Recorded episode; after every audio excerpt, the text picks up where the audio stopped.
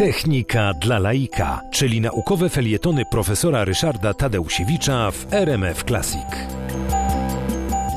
W momencie, kiedy pierwsze komputery powstały i zaczęły być programowane, no bo bez tego oczywiście nie dało się z ich pomocą uzyskać żadnych e, wartościowych efektów, jedynym sposobem zaprogramowania komputera e, było użycie jego języka wewnętrznego. E, konstruktor każdego komputera, budując go, przewiduje pewne kody i pewne polecenia, które elektronika tej maszyny może wykonać sama z siebie. Po prostu one docierają bezpośrednio do odpowiednich odpowiednich obwodów elektronicznych, ale takie programowanie w tym języku wewnętrznym, w tak zwanych kodach wewnętrznych jest niesłychanie skomplikowane.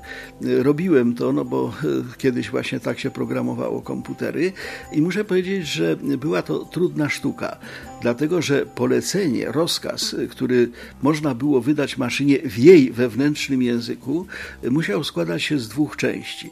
W części pierwszej trzeba było określić, co maszyna ma zrobić. Był to tak zwany kod operacji. Ten kod operacji sterował procesorem i powodował, że określone działania były wykonywane.